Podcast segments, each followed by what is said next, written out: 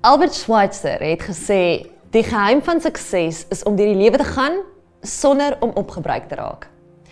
Ek dink 'n mens se gedagtes spring dadelik na die persoon in die huis wat konstant van jou verwag om huistake te verrig.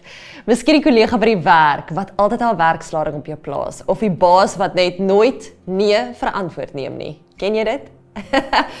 in Lukas 10 vers 38 begin ons in ons lees die storie van Jesus se kuier in die huis van twee susters. Jy ken dit, Martha en Maria.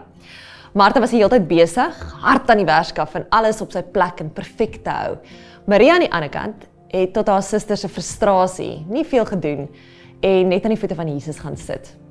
Ons lees later dat Jesus sê dat Maria die beter keuse gemaak het. Nêrens sê Jesus dat Martha nie moet werk nie. Hy sê net wel dat sy nie gefrustreerd moet wees nie en 'n goeie gesindheid moet hê terwyl sy werk.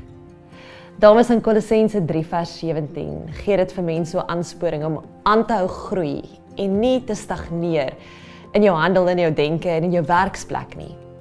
En wat jy ook al sê of doen, sê en doen dit alles in die naam van die Here.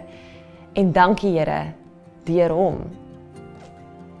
Ek dink die krik van die storie of die kriks van die storie is jy sal nooit die huidige oomblik geniet met al sy verrassings en al sy hoogtepunte as jy nie 'n gebalanseerde benadering tot werk het nie. Jesus wil hê mens moet hard werk. Ek stem 100% saam.